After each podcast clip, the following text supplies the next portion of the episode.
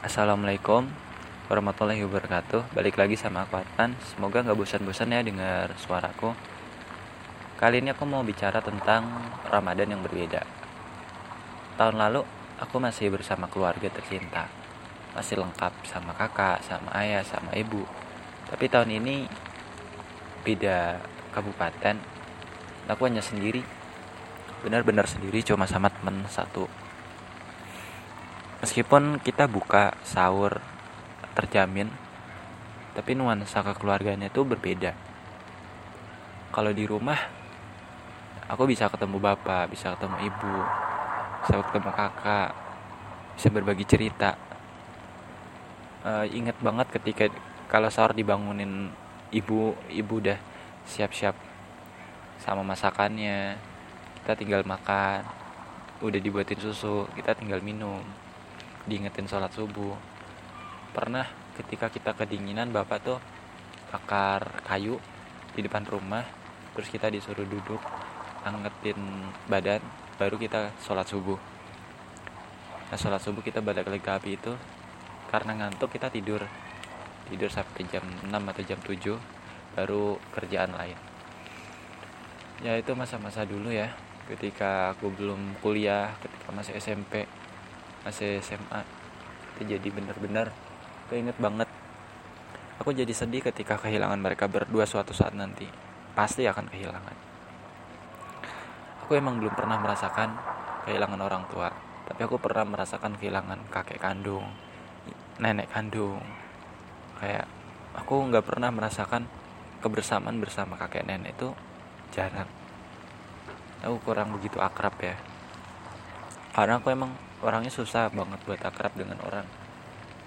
Apalagi orang baru kenal itu masih jarang banget ngomong. Balik lagi ke Ramadan yang berbeda. Bedanya selain nuansa kebersamaan itu aku merasa kok lebih sibuk ya tahun ini. Kesibukan yang baik sebenarnya. Banyak tugas banyak laporan praktikum kuliah juga makin padat terlebih kita puasa tenaganya terpakai. Kesehatan alhamdulillah makin sehat ya. Aku buang air besar tuh rutin setiap hari sekarang. Bahkan hari itu bisa dua kali. Padahal di bulan-bulan sebelumnya aku tuh empat hari sekali tiga hari sekali baru bisa. Selain itu selain lebih produktif di Ramadan tahun ini aku merasa bersyukur mendapat orang-orang yang perhatian aku mendapatkan pemahaman yang baik tentang suatu.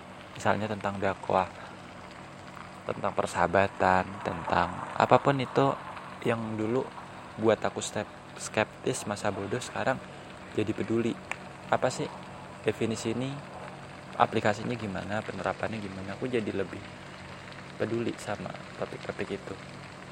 Dan aku mulai menjaga diri dari pergaulan dengan perempuan kalau dulu aku sering banget komunikasi dengan perempuan sekarang aku minim banget.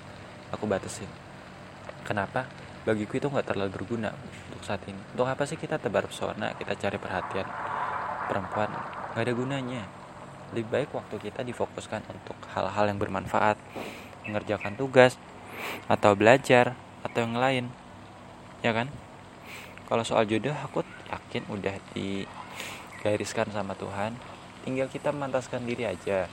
Waktunya waktu di tempat yang tepat pasti pasti bakal ada tuh. Oke mungkin itu aja ya Ramadan yang berbeda. Di sini juga makin berisik. Semoga bermanfaat. Wassalamualaikum warahmatullahi wabarakatuh